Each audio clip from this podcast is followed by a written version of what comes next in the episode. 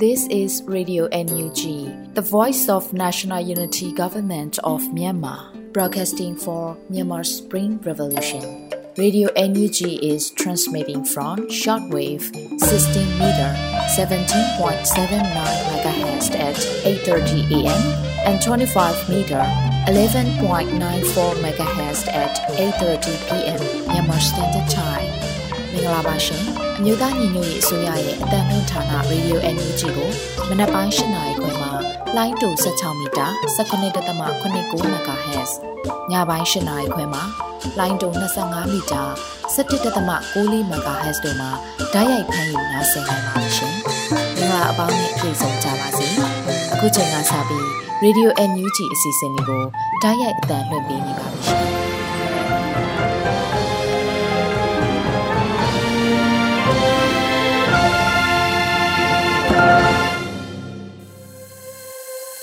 မြန်မာနိုင်ငံသူနိုင်ငံသားအပေါင်းတဘာဝပြီးဆရာနာရှင်ပေတို့ကနေကင်းဝေးပြီးကိုစိတ်နှပါဘေးကင်းလုံခြုံကြပါစေလို့ရေဒီယိုအန်ယူဂျီဖွယ်သားများကဆုတောင်းမြတ်တာပို့သလာရပါတယ်ရှင်။ခုချိန်ကစပြီးပြည်တွင်းသတင်းတွေကိုတော့ရန်နိုင်မှဖတ်ကြားတင်ပြပေးပါရမရှင်။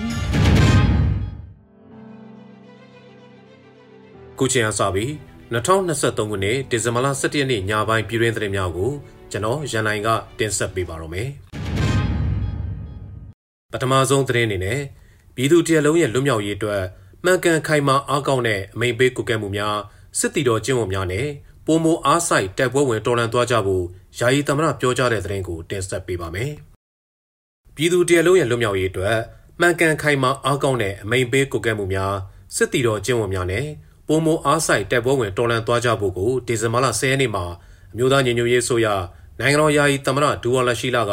ပြည်သူများထံသို့သတင်းစကားပါဆိုရမှာပြောကြားခဲ့ပါတယ်။ပြည်သူတော်လှန်ရေးကြီးတွင်မှနိုင်ငံတော်ဝန်ကအသက်ပေးလူသွားခဲ့ကြတဲ့အာဇာနည်သူရဲကောင်းရဲဘော်များရဲ့ဂုဏ်ကျေးဇူးကိုအစင်မြင့်အောက်မေ့ဂုဏ်ပြုပြီးပြည်သူတရလုံးရဲ့လွတ်မြောက်ရေးအတွက်မဆုံးမနစ်သောဇွဲလုံးလမှန်ကန်ခိုင်မာအားကောင်းတဲ့အမိန့်ပေးကိုကဲမှုများစစ်တီတော်ကျင့်ဝတ်များနဲ့ပုံမအားဆိုင်တပ်ပွဲဝင်တော်လှန်သွားကြပါလို့တိုက်တွန်းလိုက်ပါတယ်လို့ယာယီသမရကဆိုပါတယ်။လက်ရှိမှာတော့စစ်ရေးအရှိန်ကိုမြင့်တင်လျက်ရှိပြီးစစ်ကောင်စီရဲ့တပ်တွေဟာ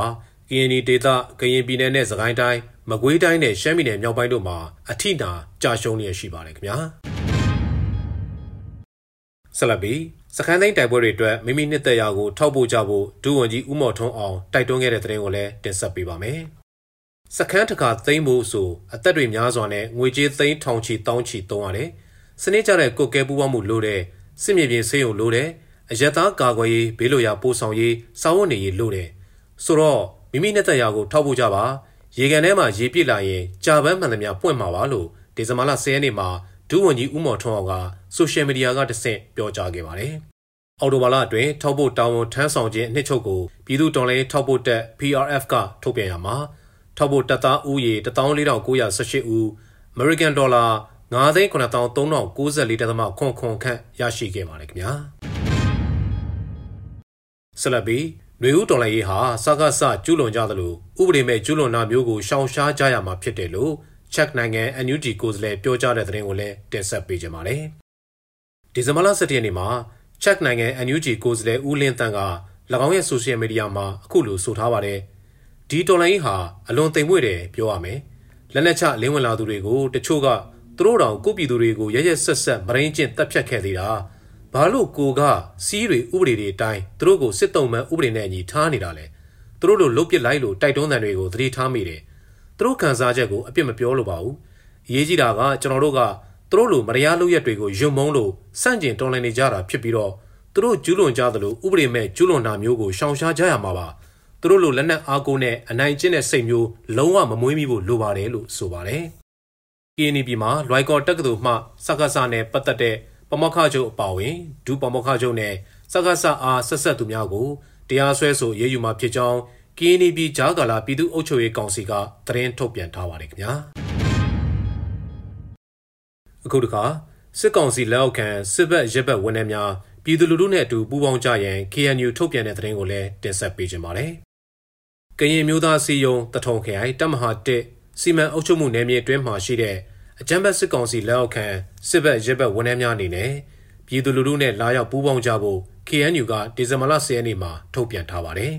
စစ်ကောင်စီလက်အောက်ခံစစ်ဘက်ဝန်ထမ်းများအနေနဲ့စစ်ကောင်စီရဲ့မိန်ပေးမှုကနေစွန့်ခွာပြီးပြည်သူလူထုရဲ့လုံခြုံရေးကိုအကာအကွယ်ပေးရန်ပြည်သူလူထုကိုပြစ်မှတ်ထားတိုက်ခိုက်တပ်ဖြတ်စေတဲ့အမိန့်တွေကိုဖီဆန်ခြင်းအာဏာရှင်ထောက်တိုင်ဖြိုဖျက်ရန်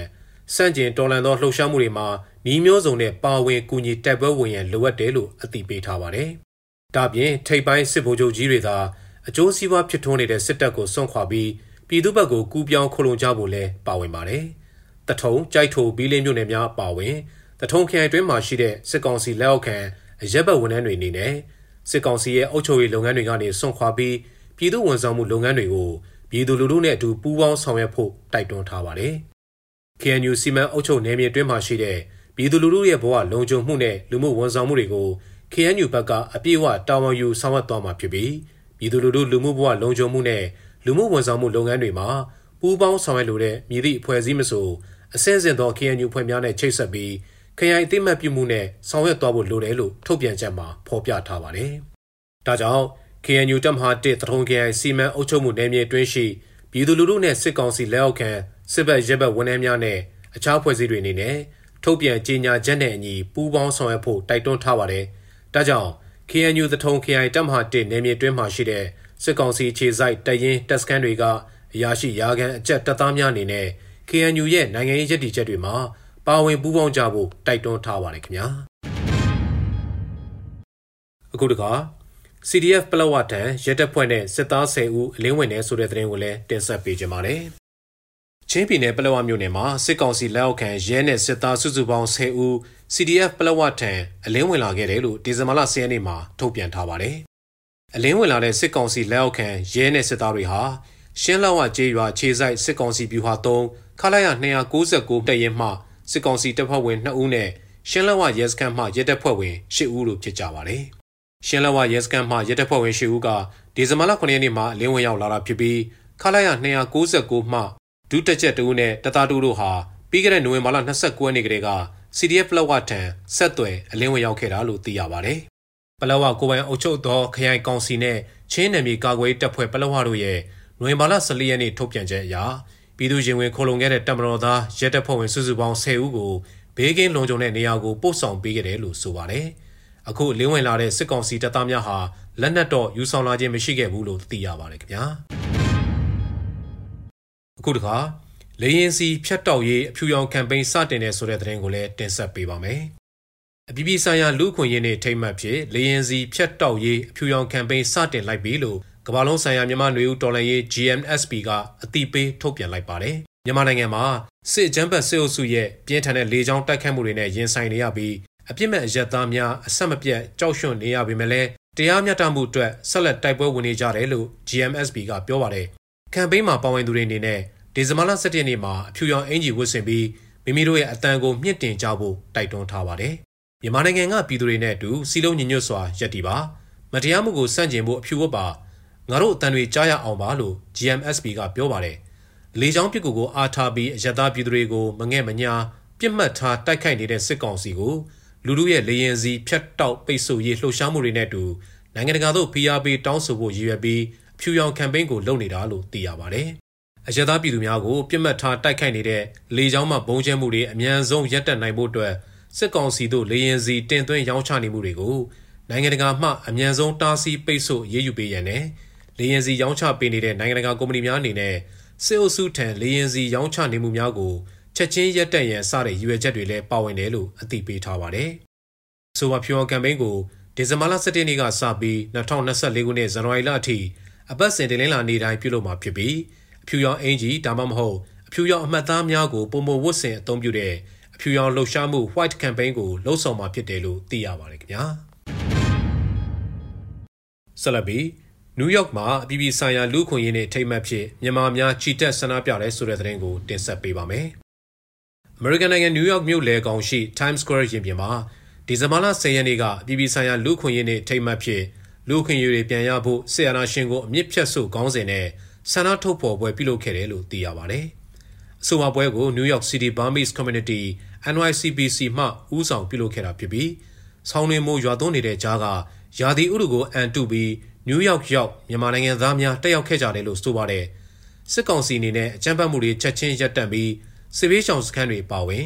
အရသာပြည်သူများရဲ့အသက်အိုးအိမ်တွေကိုစစ်တပ်ကလေရင်နဲ့ဘုံကျဲတပ်ဖြတ်နေမှုပေါ် UN အပါအဝင်နိုင်ငံတကာမှပိတ်ဆို့ကန့်ကွက်ရေးယူပေးရန်ဆန္ဒဖော်ထုတ်ခါတောင်းဆိုခဲ့ကြပါတယ်။ဒါပြင်ຫນွေဦးတော်လှန်ရေးမှာပြည်သူများဘက်ကမမမမရက်တီကအကြမ်းဖက်စစ်တပ်ကိုခုခံကာကွယ်တိုက်ပွဲဆင်နေတဲ့ပြည်သူ့ကာကွယ်ရေးတပ်ဖွဲ့ PDF များတိုင်းရင်းသားညီကိုများရဲ့ခုခံကာကွယ်ရေးတပ်ဖွဲ့များအောင်ပွဲအလီလီရရှိနိုင်စေဖို့ရည်ရွယ်ပြီးအောင်တပြေလှုပ်ရှားမှုကိုပါတပါးတည်းလှုပ်ဆောင်ခဲ့ကြတယ်လို့သိရပါတယ်။အဲဒီနောက်တယောက်လာကြသူအချို့ကဒေါန်ဆန်းစုကြည်နဲ့မတရားဖမ်းဆီးထားသူများအားချက်ချင်းလွှတ်ပေးရေး ယုံကြည်ချက်ကြောင့်တည်တံချမှတ်ခံထားရတဲ့ចောင်းသားပြည်သူများနဲ့အတူတသားတဲ့ရက်တီကြောင်းအမျိုးသမီးအခွင့်အရေးမြင့်တင်ရေးနဲ့ကလေးငယ်အခွင့်အရေးအားကာကွယ်စောင့်ရှောက်ကြရေးစတာတွေကိုဟောပြောခဲ့ကြပါတယ်ခင်ဗျာအခုနောက်ဆုံး American နိုင်ငံ San Fran Bay Area မှာကျင်းပတဲ့ຫນွေဦးလက်ဖက်ရည်ဝိုင်းမှຫນွေဦးတော်လိုင်းရမုံငွေ15900ကျော်ရရှိတဲ့ဆိုတဲ့သတင်းကိုတင်ဆက်ပေးပါမယ်။ဒီဇင်ဘာလအတွင်း American နိုင်ငံ San Fran Bay Area မှာကျင်းပတဲ့ နွေဦးလက်ဖက်ရည်ဝိုင်းမှာနွေဦးဒေါ်လာရေးရန်ပုံငွေစုစုပေါင်း15994ဒေါ်လာရရှိခဲ့ပါတယ်လို့နွေဦးလက်ဖက်ရည်ဝိုင်းမိသားစုထံကသတင်းရရှိပါတယ်။နွေဦးလက်ဖက်ရည်ဝိုင်းမိသားစုဟာလစဉ်နွေဦးဒေါ်လာရေးရန်ပုံငွေအတွက်အစားအစာများချက်ပြုတ်ရောင်းချပေးလျက်ရှိပါတယ်။လက်ရှိမှာတော့နိုင်ငံတကာရောက်မြန်မာအင်အားစုများကလည်းနွေဦးဒေါ်လာရေးကိုလူအားငွေအားနဲ့ပံ့ပိုးကူညီပါဝင်နေကြပါတယ်။ခုတင်ပြခဲ့တဲ့သတင်းတွေကိုတော့ Radio NUG သတင်းတောက်မင်းတီဟန်နဲ့ကိုခန့်မင်းစစ်သွေးတို့ကနေပေးပို့ထားတာဖြစ်ပါတယ် ဗျာ။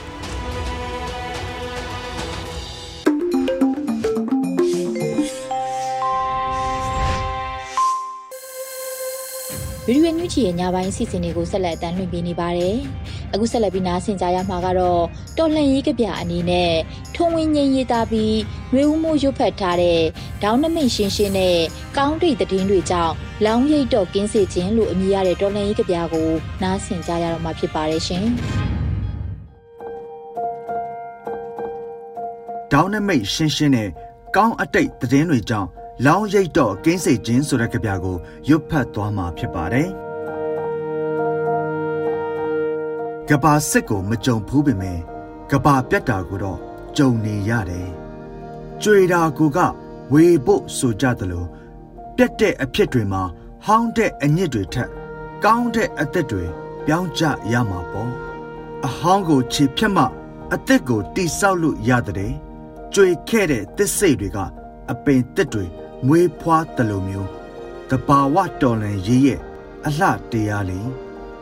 အဟောင်းကိုဖတ်တွယ်သူတွေကဆွေးမြေ့ပျက်စီးလွယ်ကြတယ်အသက်နဲ့တန်တရားတစ်ခုစာလွဲခဲ့တာမသိရှာကြ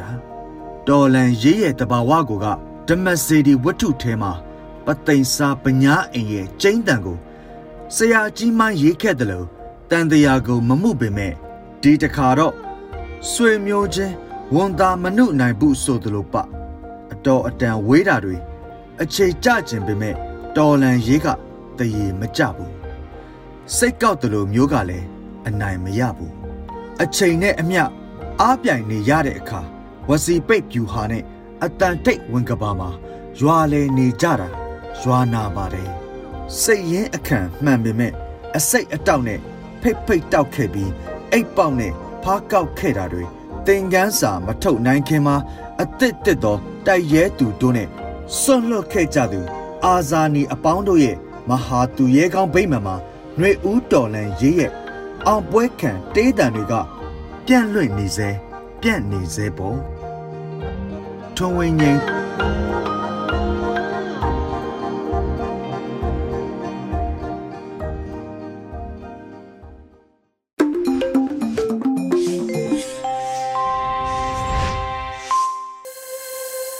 ရေဒီယိုညူဂျီကိုနာတော်တာဆင်နေတဲ့ပရိသတ်များရှင်အခုဆက်လက်ပြီးရသက်တစ်ပတ်မိုးလေဝသအခြေအနေတွေကိုတော့မျိုးဦးမွန်ကဖတ်ကြားတင်ပြပေးပါတော့မယ်ရှင်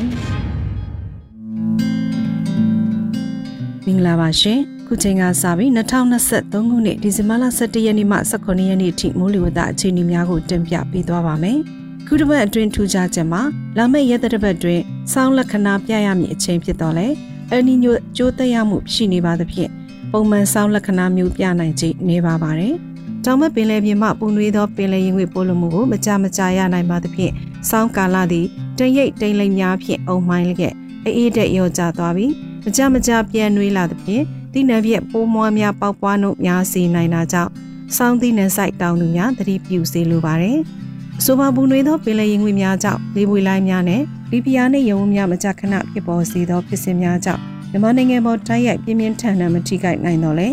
ဒေသချို့မှာနေရာကွက်ကြားမှနေရာကျဲကျဲမိုးပွဲလေးများရွာနိုင်ပြီးမြန်မာနိုင်ငံထပ်ပိုင်းဒေသများမှာနှစ်နှစ်ပိုင်းမြူတူများလည်းကျဆင်းနိုင်ပါတယ်။ဆက်လက်ပြီးနေ့လိုက်တစ်ပတ်စာမိုးလေသအခြေအနေများကိုလည်းတင်ပြပေးသွားပါမယ်ရှင်။ဒီဇင်ဘာလ17ရက်နေ့အတွက်ခံမှန်းချက်မှာမြန်မာနိုင်ငံထပ်ပိုင်းနဲ့အလဲပိုင်းတို့တွင်အနောက်နောက်မြောက်လီများတိုက်ခတ်လာနိုင်ပြီးတောင်ပိုင်းတွင်အနောက်လီများတိုက်ခတ်နေနိုင်ပါတယ်။ စောင်းမုတ်တုံခြေနေမှာအန်နီညိုအကျိုးသက်ရောက်မှုရှိသောနှင်းများ၏စောင်းရသည်သည်စောင်းရသည်မထင်မရှားသာအဖြစ်များသဖြင့်အလဲပိုင်းနဲ့အောက်ပိုင်းဒေသများတွင်စောင်းအေးတက်သိမရနိုင်ပါမြန်မာနိုင်ငံထပ်ပိုင်းနဲ့အလဲပိုင်းတို့၏ညပူချိန်များအနည်းငယ်ပြန်လည်ကျဆင်းလာနိုင်ပါတယ်။နံနက်ပိုင်းတွင်လည်းကချင်ပြည်နယ်စကိုင်းတိုင်းမန္တလေးတိုင်းမကွေးတိုင်းမကူးတိုင်းနဲ့ရှမ်းပြည်နယ်တို့တွင်မြူတူများကျဆင်းနိုင်ပါတယ်။ဘင်္ဂလားပင်လယ်အော်ချီနီမှဘင်္ဂလားပင်လယ်အော်တောင်ပိုင်းတွင်တိမ်ထီထွက်နိုင်ပြီး ကျန်ဘင်္ဂလားပင်လယ်အော်နှင့်ကပလီပင်လယ်ပြင်တို့တွင်တိမ်အသင့်တက်ဖြစ်ထွန်းနိုင်ပါတယ်။မိုးချီနီမှစကိုင်းတိုင်းမန္တလေးတိုင်းနေပြည်တော်ရှမ်းပြည်နယ်ကယားပြည်နယ်ကရင်ပြည်နယ်နဲ့မွန်ပြည်နယ်တို့တွင်နေရာကွက်ကြားမိုးပွဲများရွာနိုင်ပြီးကြံဒေသများတွင်တိမ်အသင့်တက်ဖြစ်ထွန်းနိုင်ပါတယ်။တခိုင်ကံယူရန်ဘက်တွင်နောက်နောက်မြောက်ဖက်မှလေသည်တနိုင်း9မိုင်မှ10မိုင်ခန့်တိုက်ခတ်နိုင်ပြီးလှိုင်းအသင့်တက်ရှိနိုင်ပါတယ်။မြို့ဝကျွန်းမောမုတ်ထမကွင်းနဲ့တနင်္သာရီကံယူရန်ဘက်တွင်ရှေ့ရှေ့တောင်ဘက်မှလေသည် တနိုင်း9မိုင်မှ10မိုင်ခန့်ထိတိုက်ခတ်နိုင်ပြီးလှိုင်းအသင့်တက်ရှိနိုင်ပါတယ်ရှင်။ဒီဇင်ဘာလ12ရက်နေ့အတွက်ခံမှန်းချက်မှာမြန်မာနိုင်ငံအထက်ပိုင်းနဲ့အလဲပိုင်းတို့တွင်အနောက်နောက်မြောက်ဘက်မှလေများတိုက်ခတ်လာနိုင်ပြီးတောင်ပိုင်းတွင်အနောက်လေများတိုက်ခတ်နေနိုင်ပါတယ်။ဆောင်းမှုသုံးချီနေမှာမြန်မာနိုင်ငံထပ်ပိုင်းနဲ့လဲပိုင်းတို့တွင်ညပူချိန်များအနည်းငယ်ပြန်လည်ကျဆင်းလာနိုင်ပါတယ်။နံနက်ပိုင်းတွင်ကချင်ပြည်နယ်၊စကိုင်းတိုင်း၊မန္တလေးတိုင်း၊မကွေးတိုင်း၊ပဲခူးတိုင်း၊ရှမ်းပြည်နယ်၊ကယားပြည်နယ်နဲ့ကရင်ပြည်နယ်တို့မှာ မြူတူများကျဆင်းနိုင်ပါတယ်။ဘင်္ဂလားပင်လယ်အော်အခြေအနေမှာဘင်္ဂလားပင်လယ်အော်တောင်ပိုင်းတွင်တိမ်ထူထပ်နိုင်ပြီးကျန်ဘင်္ဂလားပင်လယ်အော်နဲ့ကပလီပင်လယ်ပြင်တို့တွင်တိမ်အသင့်တက်ဖြစ်ထွန်းနိုင်ပါတယ်။မိုးအခြေအနေမှာချင်းပြည်နယ်၊နေပြည်တော်၊ပဲခူးတိုင်းရှမ်းပြည်နယ်၊ကယားပြည်နယ်၊ကရင်ပြည်နယ်နဲ့မွန်ပြည်နယ်တို့တွင်နေရာကွက်ကြားမိုးပွဲများရွာနိုင်ပြီးစံဒေသများတွင်တိတ်အသင့်တက်ဖြစ်ထွန်းနိုင်ပါတယ်။ရခိုင်ကမ်းရိုးတန်းဘက်တွင်အနောက်နောက်မြောက်ဘက်မှလေသည်တနိုင်း9မိုင်မှ10မိုင်ကတိုက်ခိုင်နိုင်ပြီး ဖိုင်းသင့်တက်ရှိနိုင်ပါတယ်။မြို့ဝကျုံမမုတ်တမကွေးနဲ့တနင်္သာရီကမ်းရိုးတန်းဘက်တွင်အရှိအရှိတောင်ဘက်မှလေသည်တနိုင်း9မိုင်မှ10မိုင်ခန့်အထိတိုက်ခတ်နိုင်ပြီးလိုင်းအသင့်တက်ရှိနိုင်ပါတယ်ရှင်။ဒီဇင်ဘာလ23ရက်နေ့အတွက်ခံမှန်းချက်များကတော့မြန်မာနိုင်ငံထပ်ပိုင်းနဲ့အလဲပိုင်းတို့တွင်အနောက်နောက်တောင်လေများတိုက်ခတ်လာနိုင်ပြီးတောင်ပိုင်းတွင်တောင်အရှိတောင်လေများတိုက်ခတ်နေနိုင်ပါတယ်။ဆောင်းမှုသုံးချီနေမှာမြန်မာနိုင်ငံထပ်ပိုင်းနဲ့အလဲပိုင်းတို့တွင်ညပူချိန်များအနည်းငယ်ပြန်နှွေးလာနိုင်ပါတယ်။ နံနက်ပိုင်းတွင်ကချင်ပြည်နယ်၊စကိုင်းတိုင်း၊မန္တလေးတိုင်း၊မကွေးတိုင်း၊ပဲခူးတိုင်း၊ရှမ်းပြည်နယ်၊ကယားပြည်နယ်နဲ့ကရင်ပြည်နယ်တို့တွင်မြူတူများကျဆင်းနိုင်ပါတယ်။ဘင်္ဂလားပင်လယ်အော်ချီနေမှာဘင်္ဂလားပင်လယ်တောင်ပိုင်းတွင်လေပွေလိုင်းတစ်ခုဖြစ်ပေါ်လာနိုင်ပြီးကျန်ဘင်္ဂလားပင်လယ်နဲ့ကပလီပင်လယ်ပြင်တို့တွင်တိတ်အသင့်တက်ဖြစ်ထွန်းနိုင်ပါတယ်။မိုးချီနေမှာချင်းပြည်နယ်၊ရခိုင်ပြည်နယ်တောင်ပိုင်း၊ AR တိုင်း၊နေပြည်တော်၊ပဲခူးတိုင်း၊ရှမ်းပြည်နယ်၊ကယားပြည်နယ်၊ကရင်ပြည်နယ်၊မွန်ပြည်နယ်နဲ့ တနင်္သာရီတိုင်းတို့တွင်နေရာကွက်ကြားမိုးပွေးများရွာနိုင်ပြီးကြံဒေသများတွင်တိတ်အသင့်တက်ဖြစ်ထွန်းနိုင်ပါတယ်။ရခိုင်ကမ်းရိုးတန်းဘက်တွင်အနောက်နောက်မြောက်ဘက်မှလေသည်တနိုင်း9မိုင်မှ10မိုင်ခန့်တိုက်ခတ်နိုင်ပြီးလိုင်းအသင့်တင့်ရှိနိုင်ပါတယ်။မြဝကျွန်းမောမုတ်တမကွေးနဲ့တနင်္သာရီကမ်းရိုးတန်းဘက်တွင်အရှိအရှိတောင်ဘက်မှလေသည်တနိုင်း9မိုင်မှ10မိုင်ခန့်အထိတိုက်ခတ်နိုင်ပြီးလိုင်းအသင့်တင့်ရှိနိုင်ပါတယ်ရှင်။ ဒီဇင်ဘာလ14ရက်နေ့အတွက်ခံမှန်းချက်မှာမြန်မာနိုင်ငံထပ်ပိုင်းနဲ့အလဲပိုင်းတို့တွင်အနောက်အနောက်တောင်လေများတိုက်ခတ်လာနိုင်ပြီးတောင်ပိုင်းတွင်တောင်အရှိတောင်လေများတိုက်ခတ်နေနိုင်ပါတယ်။စောင်းမုတ်တုံချီနေမှာမြန်မာနိုင်ငံထပ်ပိုင်းနဲ့အလဲပိုင်းတို့တွင်ညအပူချိန်များအနည်းငယ်ပြန်နှွေးလာနိုင်ပါတယ်။နံနက်ပိုင်းတွင်ကချင်ပြည်နယ်၊စကိုင်းတိုင်း၊မန္တလေးတိုင်း၊မကွေးတိုင်း၊ပဲခူးတိုင်း၊ရှမ်းပြည်နယ်၊ကယားပြည်နယ်နဲ့ကရင်ပြည်နယ်တို့တွင်မြူတူများကျဆင်းနိုင်ပါတယ်။ဘင်္ဂလားပင်လယ်အော်ချီနေမှာ ဘင်္ဂလားပင်လယ်အော်နောက်တောင်ပိုင်းတွင်လီဘူလိုင်းဆက်လက်တည်ရှိနိုင်ပြီးကြံဘင်္ဂလားပင်လယ်အော်နဲ့ကပလီပင်လယ်ပြင်တို့တွင်တိတ်အသင့်တက်ဖြစ်ထွန်းနိုင်ပါတယ်။မိုးချီနေမှာချင်းပြည်နယ်၊ရခိုင်ပြည်နယ်တောင်ပိုင်းမကွေးတိုင်း၊မန္တလေးတိုင်း၊နေပြည်တော်ပဲခူးတိုင်းရှမ်းပြည်နယ်နဲ့ကယားပြည်နယ်တို့တွင်နေရာကွက်ကြားမိုးဝဲများရွာနိုင်ပြီးကြံဒေသများတွင်တိမ်အသင့်တက်ဖြစ်ထွန်းနိုင်ပါတယ်။ရခိုင်ကဲရိုးရင်းဘက်တွင်အနောက်နောက်မြောက်ဖက်မှလေသည်တနိုင်း9မိုင်မှ10မိုင်ခန့်တိုက်ခတ်နိုင်ပြီးပိုင်းအသင့်တက်ရှိနိုင်ပါတယ်။ မြို့ဝကျွန်းမောမုတ်တမကွေးနဲ့တနင်္သာရီကဲရိုးရင်းဘက်တွင်ရှေ့အရှိတောင်ဘက်မှလေသည်တနိုင်း9မိုင်မှ10မိုင်ခန့်အထိတိုက်ခတ်နိုင်ပြီးပိုင်းအသင့်တက်ရှိနိုင်ပါတယ်ရှင်။ဒီဒီဇင်ဘာလ15ရက်နေ့အတွက်ခံမှန်းချက်မှာမြန်မာနိုင်ငံအထက်ပိုင်းနဲ့အလဲပိုင်းတို့တွင်နောက်နောက်မြောက်လေများတိုက်ခတ်လာနိုင်ပြီးတောင်ပိုင်းတွင်အရှိအရှိတောင်လေများတိုက်ခတ်နေနိုင်ပါတယ်။စောင်းမုတ်တုံချီနီမှာမြန်မာနိုင်ငံထက်ပိုင်းနဲ့အလဲပိုင်းတို့တွင်ညအပူချိန်များအနည်းငယ်ပြန်နှွေးလာနိုင်ပါတယ်။ နံနက်ပိုင်းတွင်ကချင်ပြည်နယ်စကိုင်းတိုင်းမန္တလေးတိုင်းမကွေးတိုင်းပဲခူးတိုင်းရှမ်းပြည်နယ်၊ကယားပြည်နယ်နဲ့ကရင်ပြည်နယ်တို့တွင်မြူတူများကျဆင်းနိုင်ပါတယ်။ဘင်္ဂလားပင်လယ်အော်ချီနီမှာဘင်္ဂလားပင်လယ်အော်အနောက်တောင်ပိုင်းတွင်လေပွေလိုင်းသည်အာရော့ပြက်ပြဲသွားနိုင်ပါတယ်။ကျန်ဘင်္ဂလားပင်လယ်အော်နဲ့ကပလီပင်လယ်ပြင်တို့တွင်တိမ်အထင်တင့်ဖြစ်ထွန်းနိုင်ပါတယ်။မိုးချီနီမှာမန္တလေးတိုင်းနေပြည်တော်နဲ့ရှမ်းပြည်နယ်တို့တွင်နေရာကွက်ကြားမိုးဝဲများရွာနိုင်ပြီးကြံဒေသများတွင်တိမ်အထင်တင့်ဖြစ်ထွန်းနိုင်ပါတယ်။ ရခိုင်ကဲရုံးရဘက်တွင်နောက်နောက်မြောက်ဘက်မှလေသည်တနိုင်း9မိုင်မှ10မိုင်ကတိုက်ခတ်နိုင်ပြီးလှိုင်းအသင့်တက်ရှိနိုင်ပါတယ်။မြဝကျုံမောမုတ်တမခွေးနဲ့တနင်္သာရီကမ်းရိုးတန်းဘက်တွင်အရှိအရှိတောင်ဘက်မှလေသည်တနိုင်း9မိုင်မှ10မိုင်ခန့်အထိတိုက်ခတ်နိုင်ပြီးလှိုင်းအသင့်တက်ရှိနိုင်ပါတယ်ရှင်။ဒီဇင်ဘာလ16ရက်နေ့အတွက်ခံမှန်းချက်ကတော့မြန်မာနိုင်ငံအထက်ပိုင်းနဲ့အလဲပိုင်းတို့တွင်နောက်နောက်မြောက်လေများတိုက်ခတ်လာနိုင်ပြီးတောင်ပိုင်းတွင်ရှေ့ရှေ့တောင်လေများတိုက်ခတ်နေနိုင်ပါတယ်။ စောင်းမှုသုံးချီနေမှာမြန်မာနိုင်ငံအထက်ပိုင်းနဲ့အလဲပိုင်းတို့တွင်ညအပူချိန်များအနည်းငယ်ပြန်လွှဲလာနိုင်ပါတယ်။နံနက်ပိုင်းတွင်ကချင်ပြည်နယ်၊စကိုင်းတိုင်း၊မန္တလေးတိုင်း၊မကွေးတိုင်း၊ပဲခူးတိုင်း၊ရှမ်းပြည်နယ်၊ကယားပြည်နယ်နဲ့ခင်ပြည်နယ်တို့တွင်မြူတူများကျဆင်းနိုင်ပါတယ်။ဘင်္ဂလားပင်လယ်အော်အခြေအနေမှာဘင်္ဂလားပင်လယ်အော်တောင်ပိုင်းတွင်တိမ်ထူထပ်နိုင်ပြီးကြံဘင်္ဂလားပင်လယ်အော်နဲ့ကပလီပင်လယ်ပြင်တို့တွင်တိမ်အသင့်အတင့်ဖြစ်ထွန်းနိုင်ပါတယ်။မိုးအခြေအနေမှာတနင်္သာရီတိုင်းတွင်နေရာကွက်ကြားမိုးဝဲများရွာနိုင်သည်မှအပကြံဒေသများတွင်တာယာနိုင်ပါတယ်။ ခိုင်ကဲရိုးရဲဘက်တွင်နောက်နောက်မြက်ဖက်မှလေးသည်တနိုင်9မိုင်မှ10မိုင်ခန့်တိုက်ခတ်နိုင်ပြီးလိုင်းအသင့်တင့်ရှိနိုင်ပါတယ်။မြို့ဝကျုံမောမုတ်တမကွေးနဲ့တနင်္သာရီကဲရိုးရဲဘက်တွင်ရှေ့ဘက်မှလေးသည်တနိုင်9မိုင်မှ10မိုင်ခန့်အထိတိုက်ခတ်နိုင်ပြီးလိုင်းအသင့်တင့်ရှိနိုင်ပါတယ်ရှင်။ဒီဇင်ဘာလ19ရက်နေ့အတွက်ခံမှန်းချက်မှာ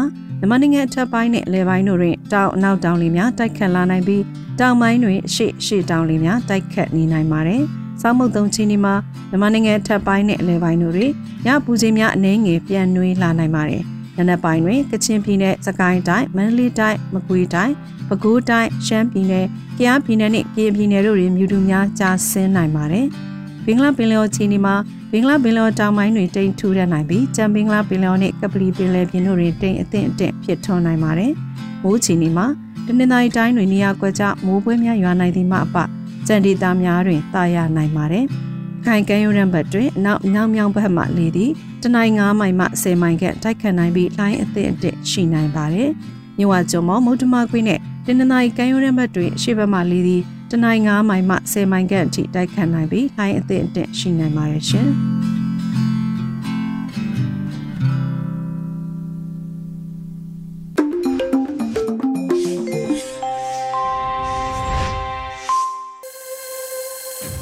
ရေဒီယိုညူးကြီးကိုနာတော်တာဆင်နေတဲ့ပရိသတ်များရှင်အခုနောက်ဆုံးအနေနဲ့တိုင်းရင်းသားဘာသာစကားနဲ့သတင်းထုတ်လွှင့်မှုစီစဉ်မှာတော့သကောကရင်ဘာသာဖြစ်တဲ့ဘက်အတွင်းသတင်းတွေကိုနော်နွေဦးပွင့်ကဖတ်ကြားတင်ပြပေးပါတော့မရှင်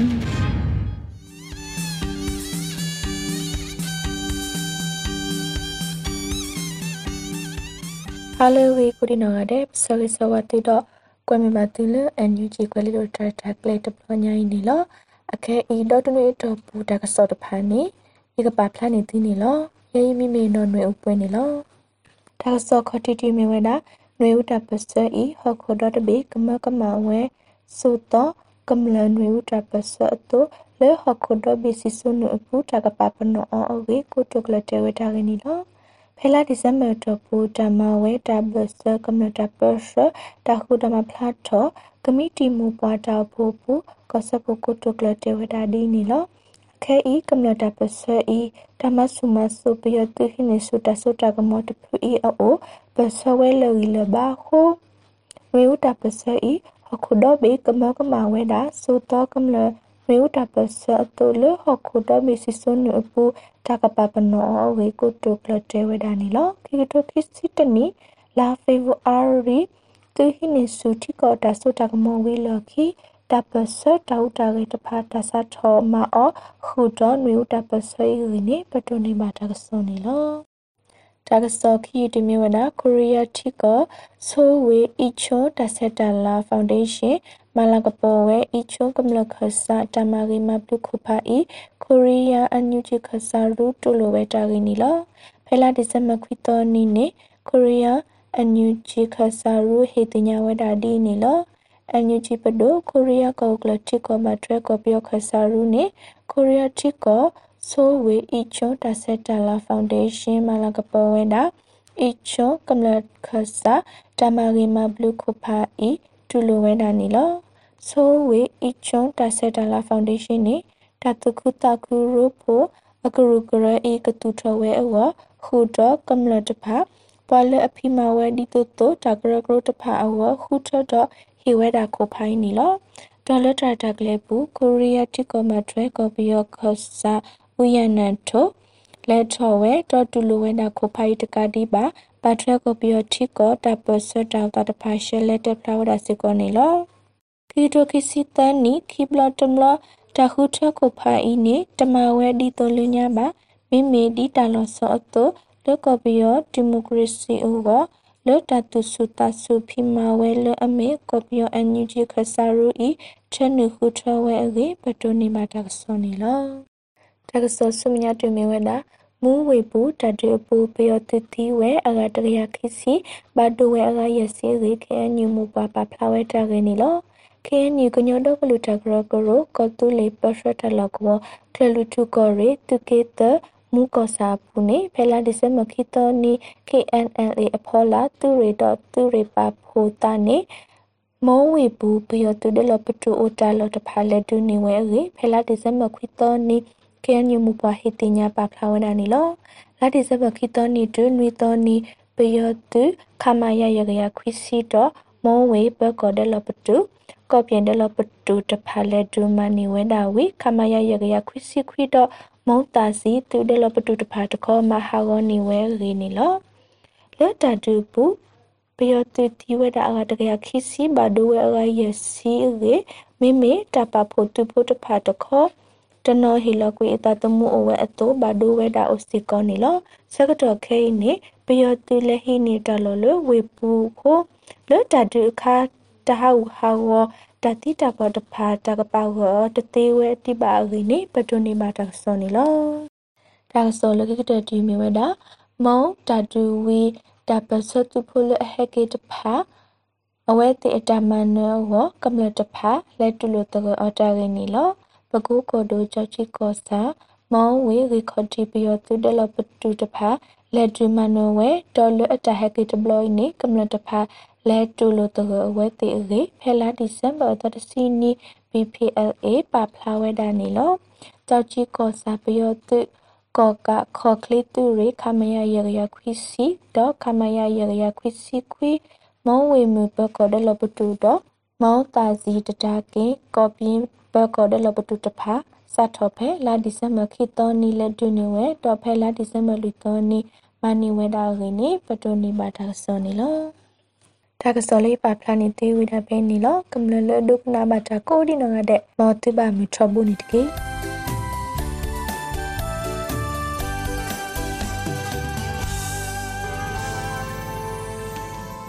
တောတာရှင်များခင်ဗျာ